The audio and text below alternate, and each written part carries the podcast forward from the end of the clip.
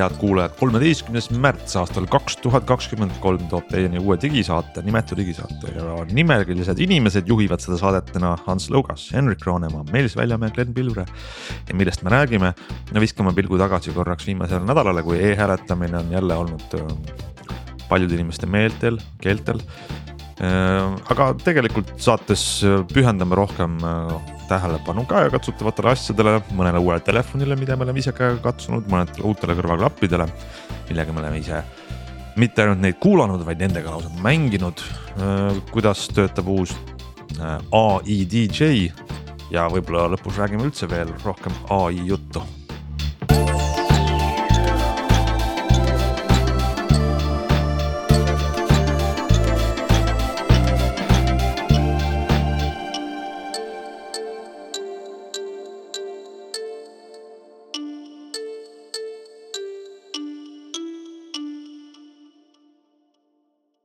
no nii, hakkame siis äh, selle saatega peale, kus meil on möödunud üks päev ja üks nädal viimastest parlamendivalimistest, mis olid väga, väga, väga, väga, väga toredad, minu isiklik hinnang on, sest et me oleme väga tugev e-riik, Eesti inimesed usaldavad e-hääletamist, väga paljud inimesed rohkem kui kunagi varem valisid viisi oma hääle andmiseks äh, elektroonilise kanali kaudu aga muidugi on selle tulemuste järel kerkinud üles meil siin igasugused päevapoliitilised arutelud, mida ma arvan, et võib-olla me ei viitsikski siin saates seda poliitikat arutada.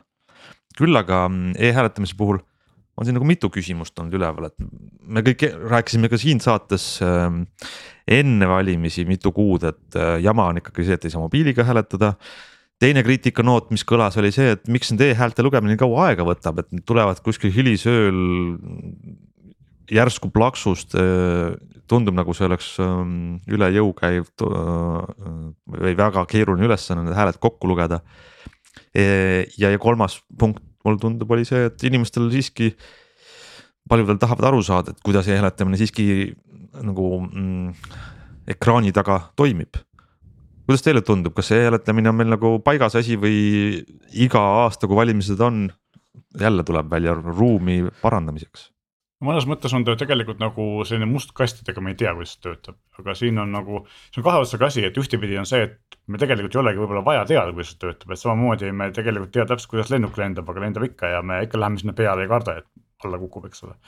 ja teine asi on see, et noh, kui me täpselt ei tea, siis äh, tekivadki need küsimused, kas me saame seda usaldada aga noh, tegelikult on ju see, et no. eks kogu see mehhanism on piisavalt kiir-, keeruline, et seda nagu keskmisele inimesele kahe sõnaga ära seletada või paari lausega ei ole ilmselgelt võimalik no ma tean ja, inimesi no, kes kuulavad meie saadet ja hakkavad mulle pärast sõnumeid saatma, et vaielda vastu sellele, nagu mida Meelis ütles, et et me ei tohi leppida sellega, et me ei tea, kuidas must kast töötab, kasvõi näiteks sellepärast, et sinul, minul, igaühel meist on võimalik minna ja vaadata, kuidas need hääled kokku loetakse, kuidas nad kopeeritakse ühest masinast teise, mis seal toimub. eks see tegelikult ei ole eesriide tagune tegevus, kuhu sa ei pääse, vaid igal inimesel ilma mingisuguse eel, ma ei tea, loata on võimalik hakata vaatlejaks ja vaadata, kuidas see värk käib nii et noh, natukene on see küsimus selles, et Eh, ega me ju kõik valijad ei pea hakkama vaatlema, aga kes tahab, see saab. minu arust see, on ka nagu, see okay, peab ma..., ei saa ju olla piiramatu, sest et kui igaüks hakkab vaatlejaks ja tahab sinna ruumi sisse pääseda, siis lõpuks kümned tuhanded ei pääse sinna ruumi sisse, ei mahu lihtsalt ära selleks. no vist saab ka Zoom'i kaudu või Teams'i kaudu. kui ma vaatan, ütleme nii, et kui ma äh, lähen ja vaatlen seda serveri parki, siis ega ma ei näe vilkuvaid tulukesi ja ma ei tea, mis seal tegelikult arvutis toimub, eks ole, et. no see ongi seesama küsimus, mida ma tahtsin, ühesõnaga tahtsin siin kogu aeg vahele juba mm, kobiseda, et, et tegelikult õigus kahelda ja midagi uurida on meie toredas demokraatlikus ühiskonnas ju peaaegu igal sammul, kuniks me just ei taha muutuda vägivaldseks või midagi muud sellist asja teha, eks ole.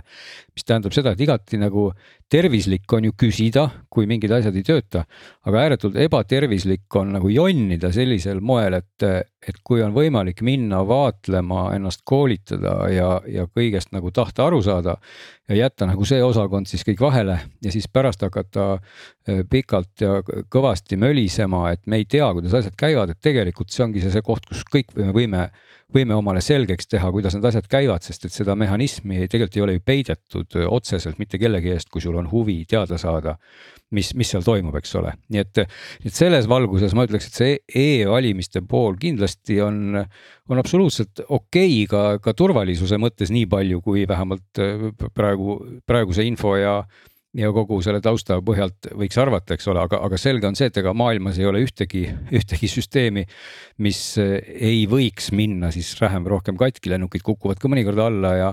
ja igasuguseid asju juhtub, aga see ei tähenda nüüd seda, et, et siis peakski jätma jätma sellepärast kõik asjad ära, et paratamatult tehniline progress ju sinnapoole läheb. nii et see, see kõik see pikk heietus jõuab tegelikult ikka sinnasamasse välja, et, et, et sisulist külge noh, nagu, nagu sellisel kujul sisulist külge sellel ei ole, aga, aga mõistlikult kahelda, et midagi läheks paremaks ja läbipaistvamaks on ju alati tore. Ja, ja mina ütleks, et need, need võimalused on täna ka e-, selle meie e-valimise seltskonna poolt, kui seda võib nii nimetada, ju pakutud ja ja täiesti olemas, et ei, see ei ole mingisugune kinniste ukse taga selline salajane pakt, kus siis hakkab valget suitsu tulema lõpuks, ma ütleks mina, mina näen seda, et äh, ma põhimõtteliselt jah, sul on nagu õigus, aga, aga ma näen, et meil Eesti riigina, ühiskonnana on palju ruumi, et investeerida äh,. võib-olla sõna otseses mõttes investeerida raha ja oma aega sinna, et teha e-valimised ähm, arusaadavamaks ja ma võib-olla pean silmas väga konkreetselt äh, nende näivust, näivust, arusaadavust suurendada, mis võib-olla tähendab valimiskomisjoni kodulehekülg, selle protsessi kulgemine valimise õhtul, selle äh, e-valija rakenduse. Äh, kontrollrakenduste, kõigi nende kasutajaliidese, mitte lihtsalt, et see näeks ilus välja, vaid et ta oleks võimalikult madala sihukese süvenemistasemega, võimalikult läbipaistev näha, kus hääled on, kuhu nad liiguvad, kes neid loevad ja no, mis neist edasi saab. eks seal on ja, ruumi ja, selleks, et see ei ole ainult selles, et meil ühel õhtul nelja aasta tagant inimesed saaks kiiremini tulemused kätte. vaid et meil oleks võimalik seda müüa üle kogu maailma, seda kogemust, et näete e, e-hääletamine on selline ja seda on sul võimalik vaadata mitte ainult vaatlejana, mis on ka väga tähtis, aga lihtsalt monitoorid ühe, ühe, ma ei tea, ühe hea veebiliidese kaudu, mismoodi see mootor töötab seda küll jah, et seal võiks ka see pool olla, et kes siis tahab nii-öelda seda piltlikult öeldes klaasi tagant vaadata, saab seda teha ja muidugi teine külg, mis mis noh, see ei puuduta enam isegi nii väga e-hääletamist, vaid juba seda nii-öelda seaduslikku raami sellele, eks ole, et. et meil on justkui me oleme kokku leppinud, et me ei, me ei tohi öelda, eks ole, kes kelle poolt hääletas või vähemalt see info ei ole siis justkui avalik. et tegelikult noh, ma ei näe ka seal mingit probleemi, et see info võiks olla avalik, et see, selles ei ole absoluutselt e-hääletamine süüdi, et see on ka tavaline hääletamine, et. et päeva lõpuks, mis seal siis nüüd vahet on teada, kelle poolt nüüd keegi hääletas, et see ei ole noh. sellele võivad järgneda repressioonid. no see nõuab juba põhiseaduse muutust ka. no nõuaks jah, just, just, aga, aga noh, ma ei tea, kas, kas, kas teie keegi tunnete, tunnete, et teid, teie, teile, teie valikutele järgneksid repressioonid, kui praegu me teame. see on täiesti et... võimalik jah, selles mõttes, et see on noh ilmselgelt äh, on see realistlik äh, ah, hirm, võib-olla mitte minu isiklik no,, aga üldiselt. võib-olla, vot see, jah, ma olen võib-olla naiivne, et mina ei tunne seda hirmu, et mina võiks ka vabalt olla avalikult leitav, et keegi otsib äh, toksib minu nime sisse ja näeb kohe, kelle poolt ma hääletasin. sest tegelikult see info, mis täna inimeste kohta ju veebis liikleb, see on ju nii metsik, et, et, et kui te oma nime guugeldate, siis saate teada selliseid asju, mida te tõenäoliselt ise ei teadnudki, eks ole, et see kõik on ja. avalik et.... no ma olen päris kindel, et kui me paneksime selle rahvahääletusele, kas hääletamine võiks olla avalik või salajane, siis see hääletatakse maha noh, päris, päris suure enamusega. Glen, sa pead partei et, tegema selle programmiga avalik partei, niikuinii on need asjad kõik teada, et, et, et noh, ilmselge on muidugi siin siinkohal, et kogu see, kogu see pläkutamine sel teemal nagu mingit sisulist kaalu ei oma, ma mõtlen kogu see vaidlustamine. see kõik on üks suur jonnimine, kelle maksavad kinni lõpuks meie ehk nii-öelda maksumaksjad. et aga teistpidi, nagu ma ütlesin ka ennem sellel, selles mõistlikult kahelda on, on loomulikult nagu tervislik, sest see süsteem peabki olema hea ja, ja turvaline, et, et aga, aga noh, samamoodi nagu me hoiame oma raha täna pangas. Need on ju puhtalt numbrid, mida me ekraanil näeme, et, et vaevalt, vaevalt me nüüd, ma ei tea, võib-olla mõned muretsevad väga, et kas kusagil on siis need kullakangid on täpselt loetud või mis iganes, aga aga noh, me tõesti ei, ei mõtle selle peale, peame seda iseenesestmõistetavaks, et need asjad töötavad ja ei kahtle selles iga päev ja ei koputa päris panga ukse taga ja ei nõua seda kambri no, võtit kogu aeg. see on tegelikult... see võib olla, see võib olla ka paljudele suur šokk, et need numbrid, mis on äh, seal e-panga ekraanil, ei olegi kullakangidega tagatud juba tükk aega. no vaat ei teagi, noh, me ei tea, äkki peaks siin tõstma ka kohe nüüd kisa, et mis toimub ja võib-olla oleks noh, aga, aga ühesõnaga see nagu Meelis alustas tõesti, et ega siis kõikidest maailma asjadest arusaamine põhineb sellel, kui palju me oleme võimelised neist aru saama, ehk et kui, kui meil puudub võime, võime aru saada, kuidas lennuk lendab, siis ei ole mõtet karjuda, et, et me ei tea, kuidas see lendab, äkki kukub see alla, lähme kõik bussiga, et. et siis kurat õpi selgeks, kuidas see lendab ja siis sa saad teada, kas sa lähed sinna peale või ei lähe, et, et aga praegu jääb küll natukene mulje. teine küsimus. on ju muidugi ka see, et ikkagi tegelikult äh, ütleme nii, et kisa tõstavad need, kes kaot-, kaotajad karjuvad, eks ole, ehk siis kui ei, no, oleks sama erakond oleks võitnud praegu, siis ilmselt nad ei oleks nagu. ma isegi ei ütleks, et mina isegi ütleks, et kaotajad karjuvad, ma ütleks, et kuradi lihtsalt lollpead karjuvad, sest tegelikult suurim kaotaja teadagi oli ju Keskerakond, kes ei ole teinud minu arvates küll ühtegi piiksu sel teemal, et jutumärkides lennukid ei lenda, eks ole, et. Nad, nad, nad tegid seda lennukite lend, mittelendamise kampaaniat umbes kümme aastat varem. tagasi või. just, just, et siis, siis seda tehti ja oli aru saada, et see, see see, see kampaania ei lenda, et. aga, äh, aga kindlasti. seda, seda avalikkust, selles mõttes, kas mu hääl peaks olema avalik või mitte, siis ma toon sellise näite, et äh, ma tean ühte tööandjat, firma omanikku aastaid-aastaid tagasi ütles ta oma töötajatele, kui te ja sel nädalavahetusel valimistel Keskerakonna poolt hääletate, siis te palka ei saa. et see on küll, oli küll äh, nali, et ta ei mõelnud seda tõsiselt, aga, aga see, see piir seal nalja ja, ja tõelise poolest,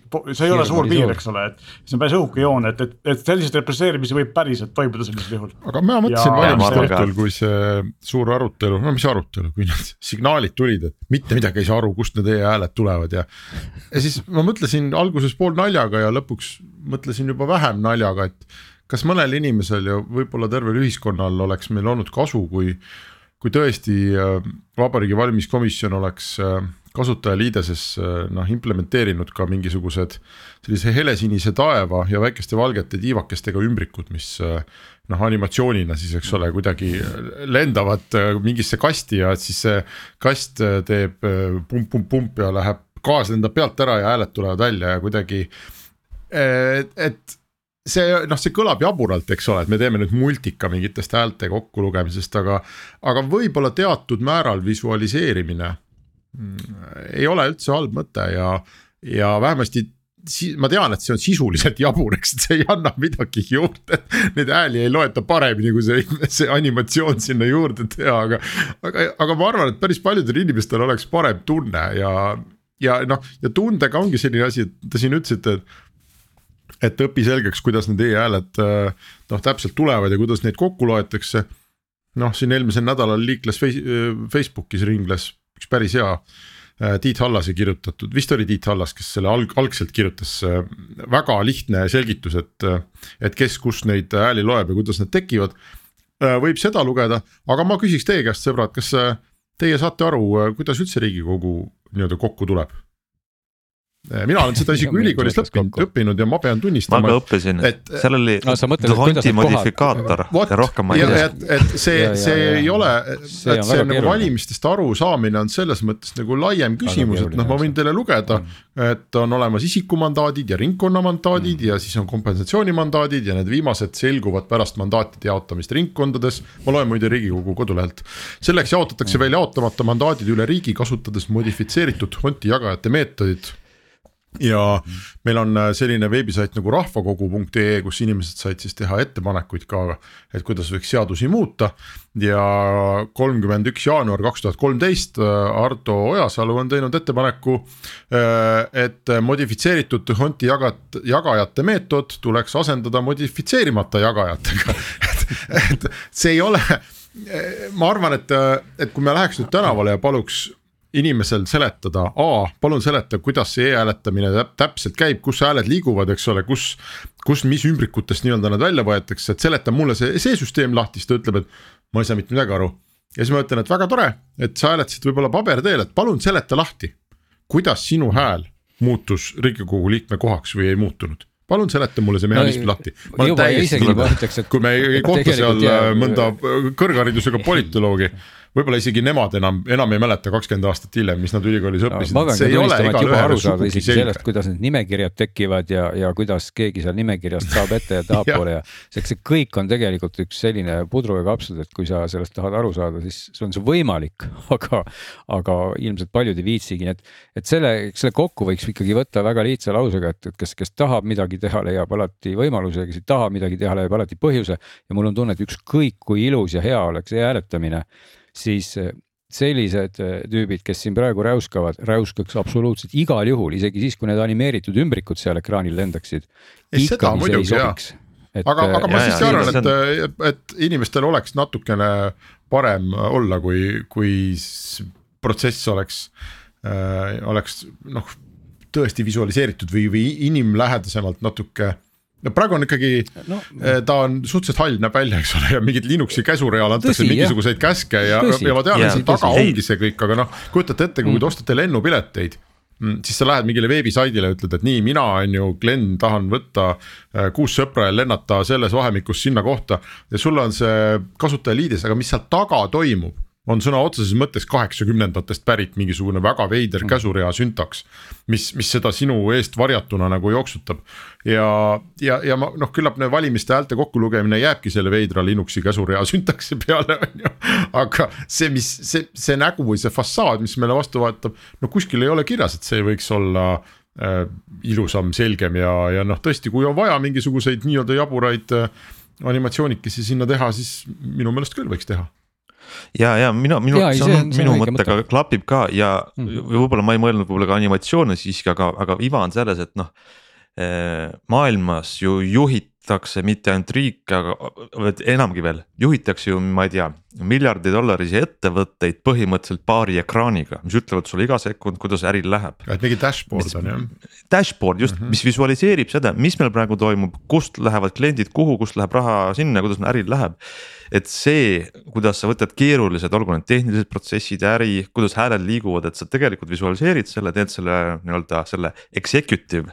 Sellele juhtkonnale selgeks, kus Eesti Vabariigis juhtkond on valijad, et sellesse tasub investeerida ei, seda küll, aga noh muidugi seal, seal kindla, kindlasti tekib alati juurde, mis, mis on ju paratamatus, et kui teha ka sinna selline piltlikult siis läbi klaaskatuse monitoorimise võimalus kõigile.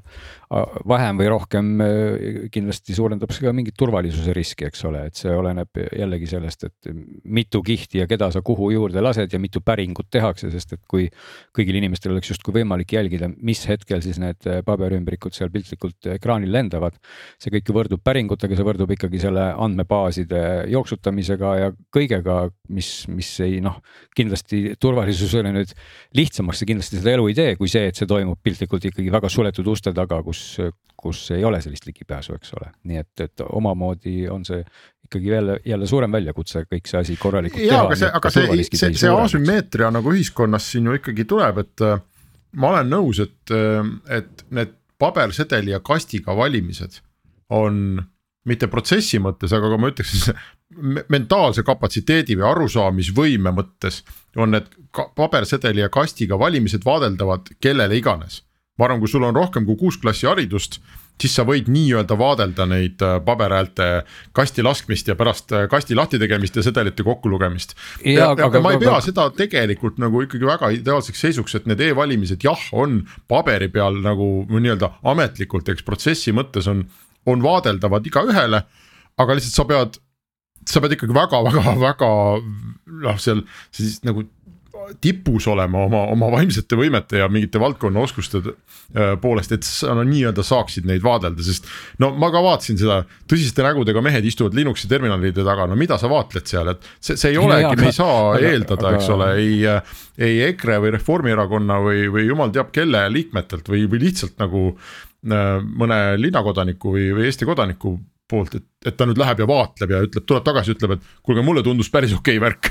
Ta ei, ei, seda küll, aga mida ma tahaks ka veel öelda, mis jäi võib-olla siin mainimata, on see, et ega siis need paberkastiga solgutamine jõuab tegelikult tänases seisus üsna ruttu juba e-kujule, et, et nii kui need hääled on sinna kastis läbi käinud, siis nobedad näpud loevad need üle ja toksivad need kohe ekraanile ja sealt edasi on see kõik üks suur e juba. ja, ja kui kusagil oleks vaja nüüd midagi manipuleerida või häkkida, jumal küll, miks ma pean seda tegema siis nende, muidugi, noh, miks ma pean neid pabereid seal muutma? Sama probleem on ju Ameerikas ka, et seal on ju ei olegi nii-öelda enam neid kaste, vaid ongi, lähed sinna kardina taha ja, ja Ajutid seal on ekraani, ekraaniga masinas, sa paned oma hääle sinna masinasse, eks ole, ja, ja ta on kohe nii-öelda e, kuigi sa kodus hääletada ei saa. No,. kohtu, kohtuprotsesse ju päris palju, eks ole, et ähm, kas see on no, nagu just, et, et, et tegelikult neid kohti, kus tahaks siis ikkagi nagu massiliselt hääli justkui muuta või kallutada või võltsida.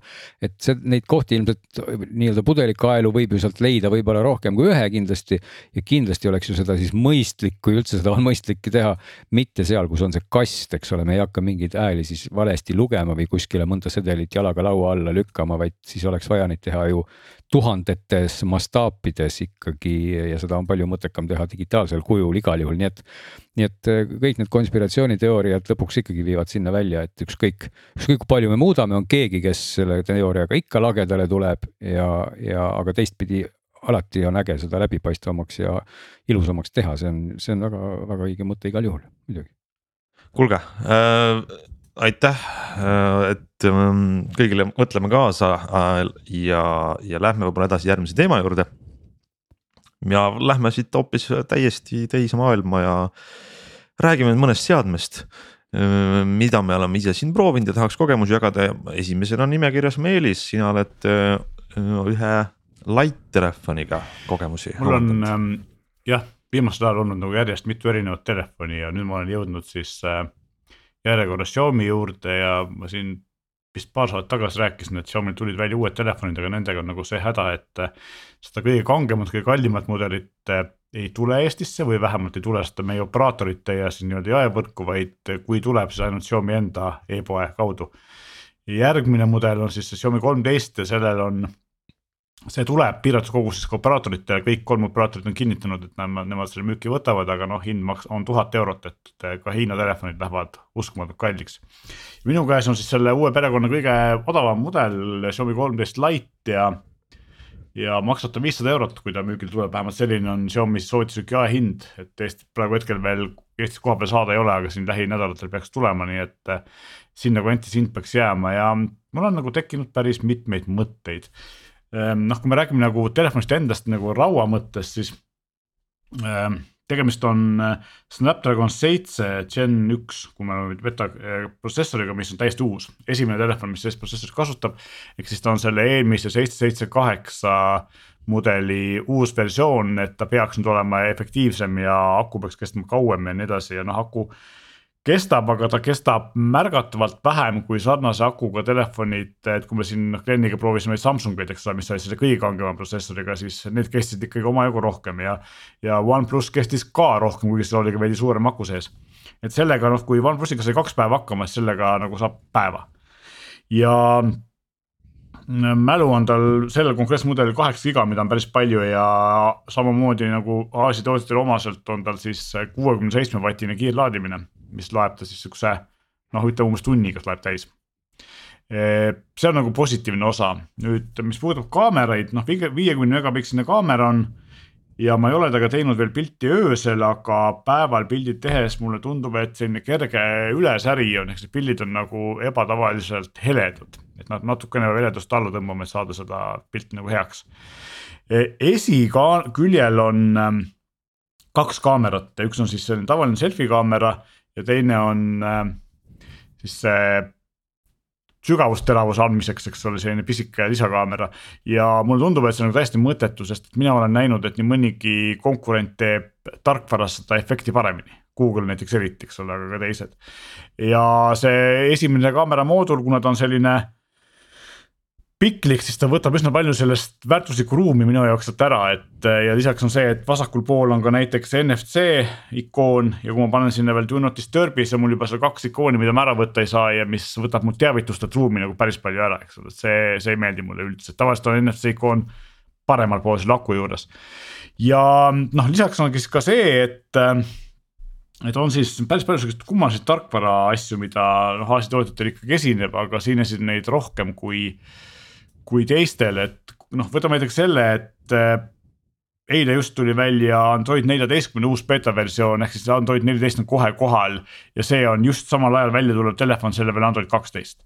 nii et noh, kaks aastat vana versioon, kallimatel Xiaomi mudelitel on kolmeteistkümnega, ma ei tea, miks nad sellist teed on läinud, aga, aga nii see on. kas sa tead, mis on, mis on Xiaomi selline üldine poliitika üldse uuenduste osas, et kus, kas. Nad ikka annavad välja, nad üritavad olla ka suhteliselt kiired, aga see on nagu hästi kaootiline, vot see on Aasia tootjate puhul on see häda, et neil on miljon mudelit, eks ole, siis on veel lisaks neil ju neid erinevaid tütarbrände, eks ole, Xiaomi'l samamoodi on Poco ja on Redmi ja nii edasi ja siis nende saja erineva mudelil igale ühele tarkvaratootja ilmselt on päris keeruline ülesanne, eks ole. ja neid tuleb neid tarkvara uuendusi, aga ilmselt nagu teistelgi, et kallimatele mudelitel tuleb tihedamini kui kui odavamatele. aga see ei ole veel kõik, et tegelikult siin tarkvaras on veel teisigi selliseid asju, et kui me oleme siin varem rääkinud, et et need Aasia tootjad tulevad nagu natukene sinna Google'i nägemusele Androidile vastu ja Google'i poolne Androidile läheb nagu kohati sinna aasialikumaks, et. siin alates Android kolmeteistkümnest vist on ka Pixelitel on need wifi ja Bluetoothi ikoonid on sellised suured ristkülikud, mitte ei ole enam ümmargused, eks ole, ja see eh, ekraani heleduse regulaator on selline paks riba, mitte ei ole selline peenike riba ja need on kõik nagu tegelikult Aasia brändidelt pärit algatused, mille Google on üle võtnud. Aga, siin on nagu asju, näiteks ma tean, noh teie, kes te olete Androidiga telefoni kasutanud, siis enamusel käib näiteks niimoodi, et kui ma tõmban ühe korra näpuga ülevalt siit kella juurest ja siit ülevalt äärest alla, siis ta avab teavitused, eks ole. teist korda tõmban sealt alla, siis ta avab äh, nii need kiirseaded või need nupukesed, eks ole, kus ma saan muuta. sellel telefonil on, ma ei tea, minu arust on vist ei ole küll ammu iPhone'i kasutanud, vist iPhone'il on niimoodi, et vasakult poolt tulevad teavitused ja paremalt poolt tuleb see control center, eks ole. et nad on teinud samamoodi, et ma ei saa nagu, kui ma olen harjunud teise Androidi telefoniga, siis see on noh, see võtab mult meeletult aega. nüüd teine asi, mis võib-olla paljusid kasutajaid ei puuduta, aga mis minule nagu meeletult äh, häirib mind, on see, et ma kasutan enamusel oma telefonis, praktiliselt kõigil Androidi telefonidest, mida ma olen proovinud, kasutan ma Microsofti launcher'it. noh, vahet pole, et inimesed kasutavad ka teisi, Novat, mida iganes, et teha siis telefon endale käepärasemaks ja, ja Xiaomi telefonid ei toeta alternatiivsete äh, launcher'ite kasutamisel viipeid, ehk siis äh, nagu me kõik oleme harjunud, et all ääres ei ole enam nuppe, vaid me viipame, eks ekraani peal üles-alla, paremale-vasakule, samamoodi nagu iPhone'il ja siis toimuvad asjad. siis kui sa, kui ma panen sinna alternatiivse launcher'i, siis neid viipeid ma kasutada ei saa. ja teine asi on kohe selle juures on see, et mis puudutab siis seda mm, äppide vahetamist, eks ole, ehk siis äh, kui ma tõmban ekraani pealt üles, siis tekib see äppide vahetuse menüü ja kui enamuses äh, Androidiga telefonides, iPhone'is samamoodi on see menüüriba on horisontaalne, eks ole, ma saan sealt liigutada edasi-tagasi, paremale-vasakule, eh, hiljuti kasutatud äppe. siis Xiaomi'l on see vertikaalne, eks ma pean liigutama üles-alla ja see võib-olla on nagu mõnes mõttes arusaadav, et eh, vertikaalselt mahub ekraani peale rohkem asju. Noh, loogiline, aga samas, kui sa tuled teise telefoni pealt, siis see on nagu nii uskumatult eh, harjumatu, et äh, mina sellega nädalaga ära pole harjuda suutnud, nii et see on, äh, et siin on nagu asju, mis äh, käivad kummaliselt ja käivad ka niimoodi jonnakalt kummaliselt, et kui teised Aasia tootjad, kui sama OnePlus, eks ole, Oppo on, on läinud nagu standardiks, no Samsung, Sony ja siin teised sellised äh, mitte Hiina tootjad kasut-, on, on ammu läinud nagu ühe, enam-vähem ühe standardi peal, nii nagu Google on öelnud, nii nad ka enam-vähem teevad. ja Xiaomi teeb asju omamoodi ja noh mõnes mõttes nad tahavad väga iPhone'ilikud olla, mõnes mõttes nagu on nad kummalised ja see, see asi nagu ei, ei istu minul isiklikult kohe üldse. et äh, ja see takistab mul seda telefoni kasutamast ja võib-olla ka soovitamast, aga samas teades, kui aga populaarne Xiaomi need... on, siis ilmselt ma ei ole ainus või ma olen ainus, et võib-olla, võib-olla siin inimestele meeldib võib võib-olla sul on need ähm, kogemused tulevadki sellest, et sa proovid telefoni erinevaid kasutajaliides, et ja. inimesed noh, isegi kui see on nagu ebameeldiv, siis sa kasutad telefoni iga päev ja harjud sellega, sest sa kasutad seda aasta või kaks on ju aga see on noh muidugi, ma küsiks võib-olla hoopis sellise aspekti siia vahele, et, et see telefoni oma olemuselt eh, siis on selline keskklassi telefon, et kas, kas siis nagu üldmuljena tundub ta pigem selline jah või ei soovitus, et kas viiesaja euro eest osta selline asi, on see okei okay, või peaks pigem ostma vaataks, veel odavamalt midagi? Kui ma vaataks talle otsa vaakumis nii-öelda, ma ei näeks seda tarkvara, siis ma ütleks, et pigem jah, sest et välimus on ilus. käes on mugav, sõrmedel lugeda võtab ilusti. nupud on õigete kohtade peal, nad on mugavad. laadimine on kiire, noh selle koha pealt ma ei saa nagu midagi kurta, aga kui ma hakkan teda igapäevaselt kasutama, siis ähm, mulle tundub, et kuigi näiteks Samsungi A52S, ma ei olnud A53 kasutanud, väga sarnane, eks ole, kohe tuleb A54 välja. sarnase hinna eest või natuke odavamast ma pigem võtaks selle Samsungi, et äh, võib-olla seal on kaamera natuke aeglasem aga samas ta on minu jaoks mugavam ja, ja see tarkvara töötab minu jaoks paremini ja kindlasti on siin teisi konkurente veel, kelle ma, keda ma võib-olla eelistaks, et võib-olla isegi OnePlusi mõni Nord seeria telefon näiteks äh, või mõni muu selline oleks ka siin nagu konkurendiks, et, et selles mõttes noh, ma ütlen, et, et kui ma, kui ma vaataks talle poes otsa, siis on oi ilus telefon ja mugav ka ja võib-olla ostaks. aga siis, kui ma süveneks sellesse kaamera asjandusse ja, ja tarkvarasse, siis ma võib-olla kahetseks, nii et ähm, keeruline. no põnev põnev, sest minu arust on noh, jällegi näide sellest, et ta näeb välja nii-öelda paberil või kõigi näitajate jah. poolest väga hea, hea telefon, aga ma mõtlen, et kui nad ikkagi noh, mis sa ütlesid, viissada eurot on hind Eestis jah ja.? Noh, et. mul on eriti kahju sellest, et, et Xiaomi'l on nagu niivõrd hea valik telefon, neil on päris häid asju, kahjuks on nad jällegi kallimaks läinud, kuigi noh, kõik telefonid lähevad kallimaks. aga et see tarkvara on nagu nii omamoodi ja oleks ta siis niimoodi, et ka teistel on see omamoodi okei okay,, aga. aga teised on nagu läinud, nad on leidnud ühe mingisuguse status quo ja jäänud selle juurde püsima ja on enam-vähem nagu sellised ühesugused kõik ja see on nagu nii kardinaalselt erinev, et see. ei no eks nad üritavad ka mingit enda liini siin leida, noh et Huawei, noh, ma ei ole nüüd ammu pidevalt kasutanud, eks ole. ka mingil hetkel hüppas just väga selgelt selle Apple'i äh, nagu iPhone'i kasutajaliidese peale, täpselt nagu sa mainisid, et paremalt poolt Huawei'l samamoodi avaneb nagu Apple'ilgi või iPhone idel siis see konfiguratsioonimenüü, vasakult poolt tulevad teavitused. et ilmselt, kui sa sellega oled harjunud, see on sul käe sees, siis sa kiidad seda võib-olla taevani ja kui sa sellega ei ole harjunud ja tahad kuskil õues kiirelt oma teavitusi vaadata, siis sa hoopis vannud taevani, et mis, mis toimub, eks ole, tegelikult need on mina, vist väiksed asjad, ega, ega nii on. mina olin, ma ei ole nüüd tõesti kasutanud Huawei telefone uusi jupp aega, aga -hmm. mul on sahtlis üks noh, mõni aasta vana Huawei telefon ja sellel on küll ta palju sarnasem, võib-olla nad vahepeal on muutnud lihtsalt, aga, aga sellel on nagu palju Google'ikum see asi, kui seal. ei, nad on vahepeal muutnud kõvasti, et selles mm -hmm. mõttes ikkagi need viimased telefonid, nüüd oli see vist. no see on Harmony ost, eks ole, mul on veel Androidiga versioon jah. et jah, noh, põhimõtteliselt jah, noh, nii-öelda Androidi peal istub ta ikkagi, eks ole, aga, aga, aga mm -hmm. jah, mhm. et Google'i enda või selle Huawei enda kasutajaliides, et. et ta, ta näeb iseenesest ilus välja ja kõik on väga okei okay,, aga noh, teistpidi Samsung ka võib öelda, et Samsung vist siiamaani paneb neid nuppe sinna alla, mis on ju kangekaelselt teistpidi. loomulikult sa võid need nupud asendada no,. mina võtan ta alati ära just, aga, aga noh, nii-öelda karbist, karbist võttes ta ikkagi nii on, eks ole, ja tõenäoliselt on. ma isegi ei mäleta praegu, võib-olla tõesti on. on, alati, et, et enamik, enamik tänaseid telefone tegelikult, eriti ka hiinlased tulevad kõik nende viibetega ja kusjuures nad teevad ka iga kord sulle selle kohustusliku mm. viipekoolituse, mis on ausalt mõnevõrra tüütu, eriti kui sa juba ja. tead, kuidas see käib. sa pead selle viipekoolituse läbima, siis Samsung on ikkagi, jätab oma nupud sinna ja sa pead minema eraldi menüüsse seda ära võtma, et tõenäoliselt on mustmiljon Samsungi kasutajaid, kes kasutavadki neid nuppe endiselt, sest nad ei viitsi kunagi seda menüüst ümber muuta ja, ja need nupud on ka siis ju endiselt nii-öelda siis noh, erinevalt teistest siis kas valet pidi või, või et, et, et teises asukohas. aga samas on need kõik, kõik need nüansid muidugi, millesse me siin justkui takerdume, et need on ju noh, need on ju nagu tehnoloogilisest vaatest nagu täiesti tühised asjad, eks ole, jah, et, et, et see ongi see, et, et kas meil on autos istmekate pruun, punane või, või sinine ja siis me räägime sellest, et ai, ai, ai, et mulle ikka see sinine sobib palju paremini kui, kui punane ja et tegelikult noh, telefon kui selline ikkagi noh, see on, see ongi nagu lõpuks see, et tehniliselt äh, on, on üks asi ja, ja ja teine asi ongi see, et kuidas ta lihtsalt, kuidas ta lihtsalt sulle nagu puhtalt disaini ja, ja sellise tunnetusliku Just. poole pealt meeldib, et, et polegi muud. ja no üks, üks tarkvara pool on jällegi see, et hästi palju on nii-öelda bloat'i ehk siis sellist äh, eelinstalleeritud mm. asju ja siin on ka nagu tegelikult ju küsimus kasutusharjumustes, et mis hetkel on bloat, bloat, eks ole, et näiteks -hmm. sellel samal Xiaomi telefonil on eelinstalleeritud Spotify, Facebook ja TikTok. ja ma arvan, et päris paljud inimesed kasutaks seda kõiki kolme, eks ole, nii et, et selles mõttes on hea, kui mugav ka on olemas. aga mina no, kes ma neist ühtegi põhimõtteliselt no, ikkagi... Spotify'd kasutan, siis mm.. Need äpid, mida sa nimetasid, on ikkagi sellised, äh, ma nimetaks mainstream, et Bloat mm -hmm. on see, kus sul on nagu iga asja jaoks mingi oma tootja äpp, mis no, võib-olla mingi... oli okei okay, viis aastat tagasi mm, -hmm. kus meil on suur hulk inimesi, kes alles nii-öelda migreerub nutitelefonile ja siis nad tahavad. see teha. on, on küll Praegu, Hiina no, Hiina tootjate puhul hea, et kui Samsungil on näiteks ikkagi noh oma kalendriäppi, oma telefoni äppi ja muud asjad, siis. siis Hiina tootjad teevad ju nii, et neil on täiesti oma versioon tarkvarast äh, kodumaisele turule, mis on nagu oma asi ja kui nad toovad selle asja Euroopasse, siis on nagu puhas Google, eks ole, et kõik dialerid, kalendrid, asjad, kõik on Google'i omad, et see on küll nagu positiivne.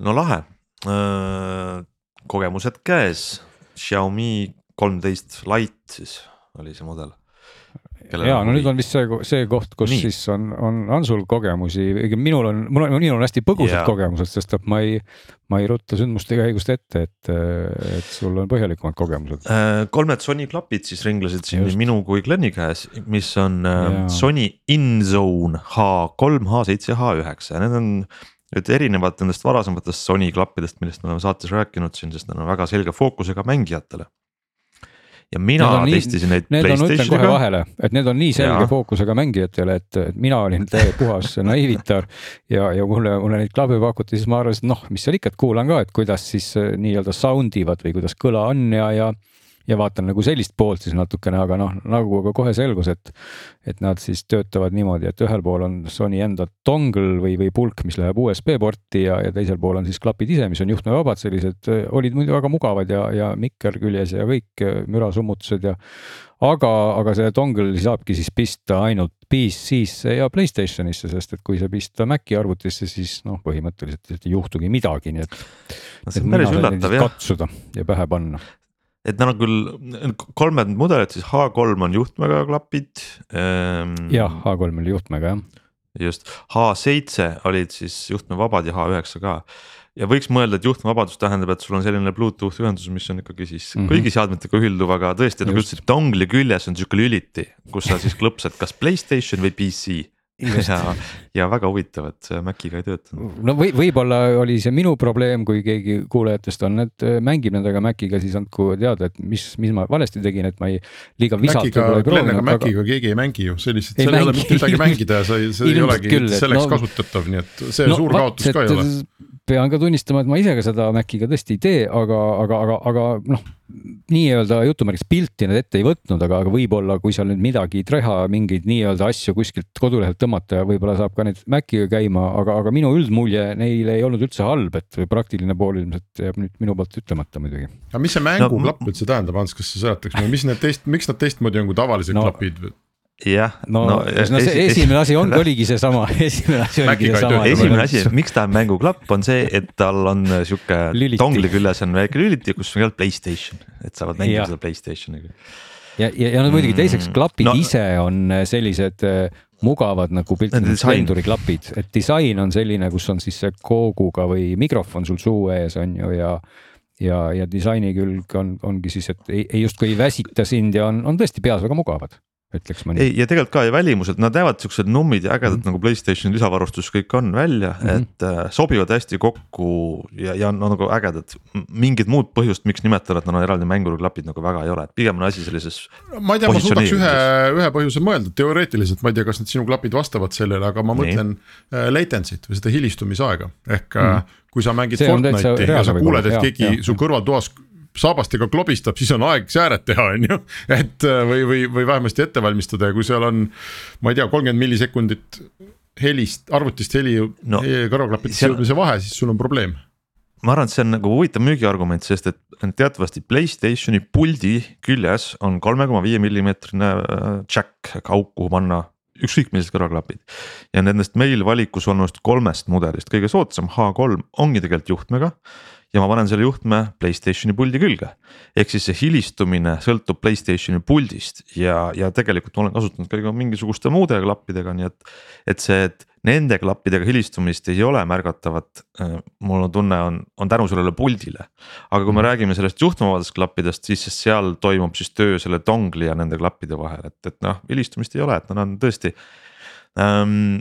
ja ma teen niimoodi sihukese kiirkokkuvõtte, see H3, need juhtmega klapid on siis kõige soodsamad vist kuskil alla saja euro natukene. Ehm, ja võib-olla nagu nad selle hinna eest on täitsa okeid klapid, kui sa tahad mängida nii, et sa ei sega kedagi teist samas ruumis ähm,. Neil on üks probleem ainult, ma ei tea, ma tahtsin seda sõltumatult verifitseerida Gleniga, aga kuna ta ei saanud tööle, siis, siis ma ei tea, kas sa said, aga nendel odavatel klappidel.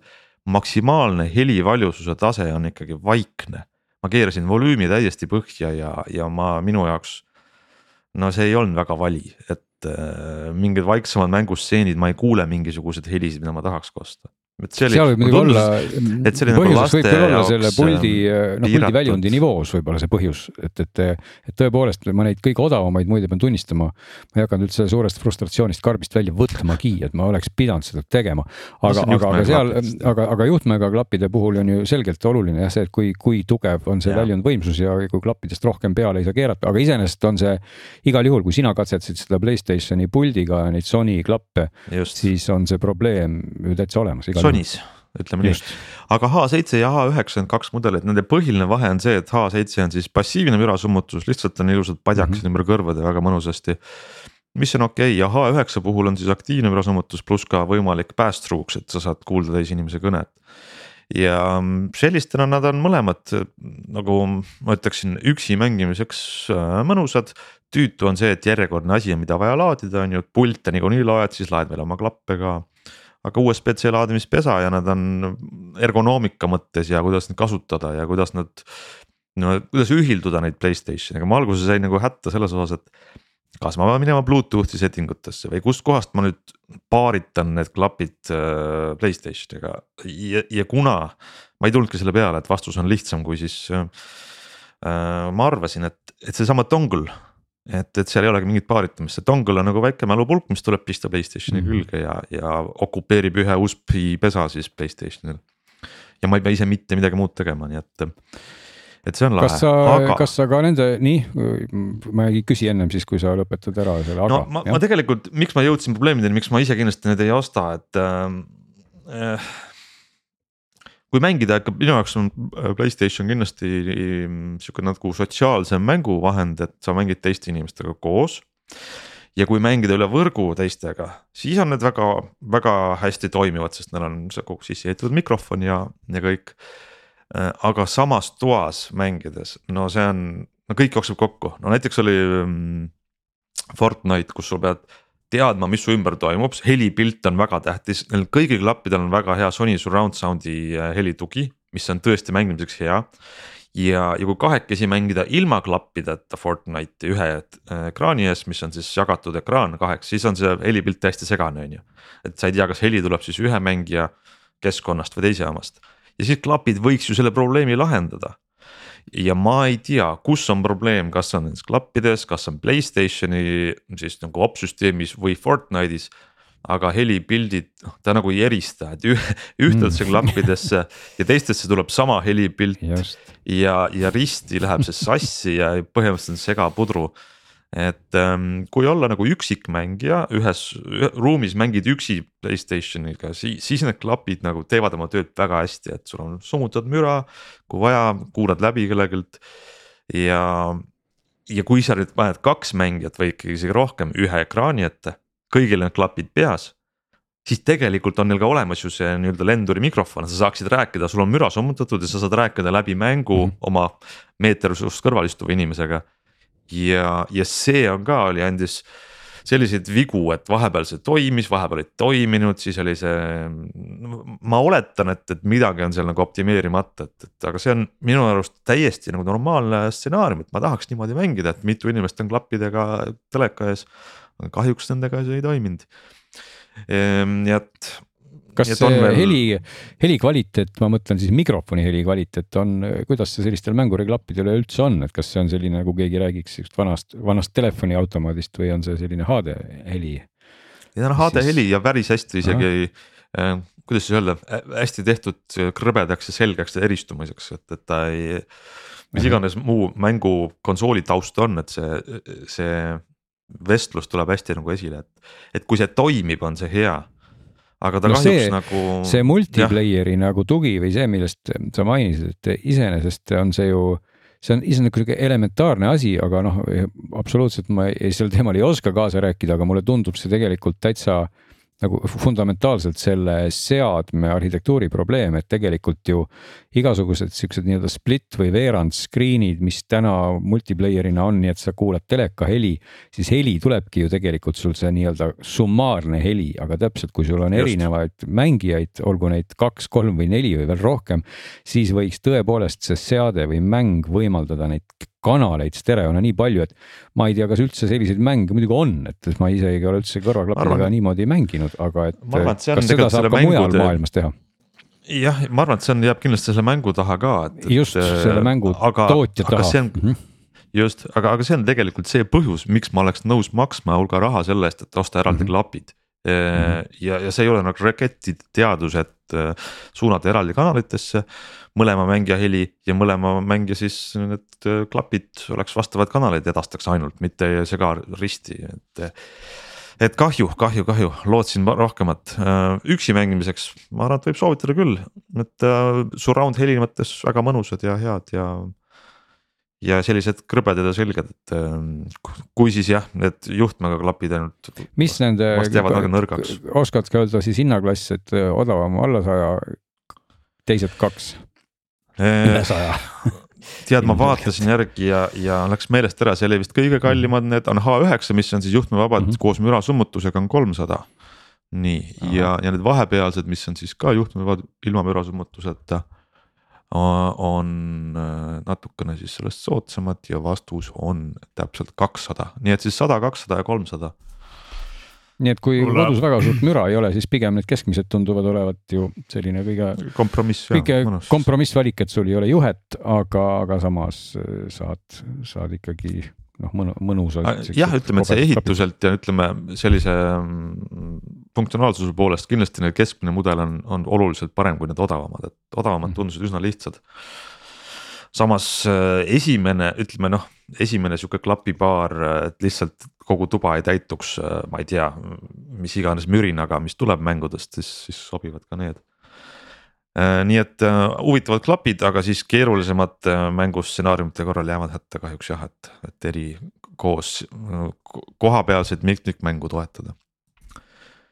niisiis, lähme edasi, vaatame, kas meil täna on veel midagi veel rääkida. Spotify'l on, ma saan aru, uus kõva uuendus väljas. kas keegi on, ma tean, et keegi seda vist vist proovinud ei ole, eks, sest see Spotify Eestis vähemalt veel Mina... ei, ei toimi mina jään, olen, olen vait, ei ole, ma olen vait, mina olen Google Music'u kasutaja ja ei oska üldse midagi Spotify'st rääkida, nii et äh, annan edasi teatepunkti. Glen, sa oled ikka igavene no sa, see on. kasutaja, mida ma on... veel kuulma pean miks, ei mitte, sorry, Youtube Music, et, et Google Aha. Musicut vist teadupärast ei ole vanasti vist oli, mul on ka sassis. vanasti juba. oli ja, aga see, see muutus Youtube Music'iks, et, et nad nüüd kaaperdades teema ära, et Spotify'st mitte rääkida lihtsalt kuna neid teenuseid on maailmas teatavasti piisavalt palju, siis lihtsalt äh, personaalselt olen, olen mina aru saanud, et, et mulle Youtube Music sobib rohkem põhimõtteliselt ühel väga lihtsal põhjusel, sest sellega koos tuleb ka Youtube Premium, ma maksan kõik, kogu selle asja eest sama palju, ma saan vaadata reklaamivabalt Youtube'i videoid ja panna telefoni kinni ja kuulata ka Youtube'ist muusikat, muusikat, muusikut ja, ja tegelikult Youtube'i valik on, ma ütleks, kui Spotify muusika valik on selline natukene uuem uuem tabelikesksem, äh, natuke sinnapoole kaldu, siis tegelikult Youtube Music us on palju rohkem eksootilist kraami, ma julgeks niimoodi üldistada, et nagu ka Youtube, et seal on lihtsalt äh, palju asju, mida on pannud üles mingid fanaatikud ja ja mida Spotify's lihtsalt sellisel kujul ei ole, nad on muidugi erinevad, et muidugi võiks võtta need mõlemad ja, ja olla rahul, aga, aga, aga noh, täpselt kellele üks või kellele teine, aga sellest ei tahtnud ma üldse pikalt rääkida, et. kas sa, Glen, oled ka kas Glen, oled, oled ka kursis hoopis uue äh,, uue Apple'i muusika äpiga, mis on klassikalise muusika äpp? Apple'il on uus striimingu teenus, ka see oli. vaat ei ole ka sellega kursis, et, et sest, et noh, lihtsalt ei saa kõike muusikat maailmas ei jõua ära kuulata, et klassikaline on üks neist, mida paraku noh seda ei, ei saa, ei ole aega seda liiga tihti kuulata ja. seal on õnneks see asi, et seda ei tule väga palju juurde, et kui sa hakkad otsast seda kuulama. küll, aga seda, seda on ka väga palju tehtud, et. no moodsat klassikat tuleb.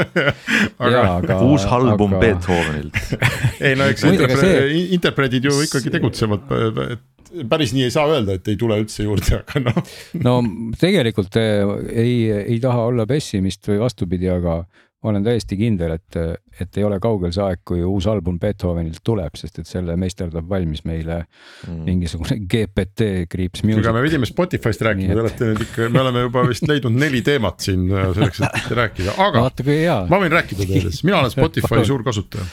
no näed. ja Spotify'l on probleem selline äriline probleem, kui me nüüd alustame igavamast otsast, Spotify on praktiliselt ainuke Äh, suur äh, muusikateenus, mis äh, peab nii-öelda ise hakkama saama, mis ei ole kellegi oma. eks Youtube mm -hmm. Music on Google'i all ja Apple'il on Music ja Amazonil on Music ja. ja mis meil üldse veel, no rohkem ei olegi praktiliselt ju suuri, eks, et on veel, veel mingeid väiksemaid, see. kas Deezer on enda oma või ma ei teagi isegi, Meelis, sa tead või? No kunagi oli, aga see ei tähenda, et Saksamaal ei oleks. ja, siis on Tidal, mille, mille ostis ära on, Jack Dorsey, kui ma õigesti mäletan, pani selle oma mingi selle maksefirmaga kokku või mingi selline veider asi, aga Spotify on börsil ja täiesti ise. ja, ja Spotify mure on see, et nad ei oma seda kaupa, mida nad müüvad. Ja nad ei saa määrata selle kauba hinda, mida nad müüvad, ehk et nad müüvad noh, valdavalt siis nad müüvad ju plaadifirmadele kuuluvat muusikat nii-öelda või õigust seda striimida. Ja iga striimi pealt äh, peavad siis muusika igasugustele omanikele maksma ja see, mis neile endale näppude vahele jääb, noh suhteliselt vähe on nende teha, eks. Ja, ja nad on siin paaniliselt ikkagi hakanud viimastel aastatel rabelema, et leida siis ka midagi, mis on nende oma, no mäletate, kunagi oli Netflixil oli selline olukord, et nad lihtsalt näitasid teiste toodetud seriaale, eks. ja siis millalgi nad või isegi Taxify'l oli ka kunagi see probleem, et nad vahendasid teiste firmade taksosid ja nii Netflix kui Taxify et kaks väga erinevat asja kokku panna, et nad mõlemad tegid selle kannapöörde, et, et hakkasid nii-öelda oma sisu tootma, Netflix teeb oma seriaale. ja Boltil on oma autod ja oma juhid, eks, ja, ja mõte on see, et see, sinu äri oleks ikkagi nagu päriselt sinu äri ja, ja sinu kontrolli all ja sinu tulud ja kulud. Ja Spotify nüüd on proovinud siin aastate jooksul leida seda podcast indusest ja nad on sinna küll sadu miljoneid dollareid matnud. ostnud igasugu kõvasid podcast'i nimesid ära, no e, valdavalt on see Ameerika keskne olnud. aga, aga see vist ei ole nagu ikkagi väga suurt äh, edu neile toonud. ja nüüd kõiki neid äh, uuendusi, millest ma rääkima hakkan, peaks vaatama selles kontekstis, et, et Spotify'l on vaja midagi veel peale muusika. Sest noh, muidu nad on lihtsalt mingi mõttetu muusika edastamise kanal, eks. mis, mis ei kontrolli iseenda saatust ja ja nad on nüüd siis teinud sellise asja, et, et nad on ümber disaininud oma selle koduekraani, kui sa Spotify äpi lahti teed, et mis sa siis näed. ja see ei ole veel jõudnud vähemasti minuni küll mitte, ma saan aru, et meist kellegini ei ole see jõudnud ja, ja. küllap ta varsti tuleb, aga, aga see, mida sa nüüd näed on selline segu, ma ütleks äh, Youtube'ist, TikTok'ist ja võib-olla ka Instagram'ist. ehk äh, sa näed palju liikuvat pilti sa näed äh, podcast'ide selliseid treilereid ja mingisuguseid väljavõtteid, sa näed seda koos pildiga, subtiitrid jooksevad all. Creator'id ehk siis sisuloojad, olgu nad muusikud või podcast'i autorid või kes iganes hüppavad seal äh, sul ringi ja kõik on väga aktiivne ja värviline. Ja, ja samamoodi näiteks, kui sa oled muusik ja annad mingisuguse mingisuguse uue teose välja, siis äh, ka sinust on seal siis, kui sa vaeva näed, eks ole, ja seda oled Spotify'le edastanud. siis ka sina oled seal, ise hüppad ringi ja sul on mingi videopilt taustaks ja muusika mängib. ja see kõik on automaatne, Spotify oli väga uhke, et sa ei pea, kasutaja ei pea isegi vajutama mingit nuppu, vaid sa teed selle äpi lahti ja noh, see on selline lõpmatult vilkuv, sädelev, liikuv, tantsiv, hüppav äh, maailm. ja, ja no vot, et, et ja tõmbab siis sind kui tarbijat kohe vupsti enda sisse ja sa leiad palju kergemini häid podcast'e, sest need juba mängivad, kui sa sinna äppi lähed, eks see on nagu feed. noh, põhimõtteliselt ikkagi ongi nagu Instagram või, või nagu TikTok on ju. ja, ja sa leiad uh, uut muusikat palju paremini ja nii edasi, nii edasi, nii et uh, nad selles mõttes muudavad seda Spotify avamise või Spotify kasutamise kogemust uh, päris märkimisväärselt, vähemasti nad ehitavad sinna nagu ühe kihi peale see, et on playlist'id ja ma saan muusikat kuulata, see kõik jääb. aga, aga nad teevad sellest nagu midagi muud ja see on potentsiaalselt, ma arvan, põnev äh, küll ei ole mina endiselt aastaid aru saanud, miks pagana pärast nad ei taha mingit revenue sharing ut teha nende sisuloojatega. noh, Youtube on suur, eks, aga miks on Youtube suur? Youtube on suur sellepärast, et kui sa hakkad Youtuberiks, siis äh, suurem osa sellest reklaamitulust on sinu oma, mida sa seal teenid. ja, ja, ja Google jätab osa endale no miks pagana pärast ma peaks rabelema kuskil seal äh, Spotify's, kui ma midagi ei teeni või et, et nad üldse nagu väga seda poolt nagu ei rõhuta, ka mina kui podcaster võib-olla tahaks, et või noh, see podcast'i mõte hakkab juba ujuma, et kui ma seal teen nii-öelda videoga podcast'i hästi lühikese, siis kas see on podcast või see on, on, on video või Youtube'i klipp või TikTok või mis asi see või on see story või.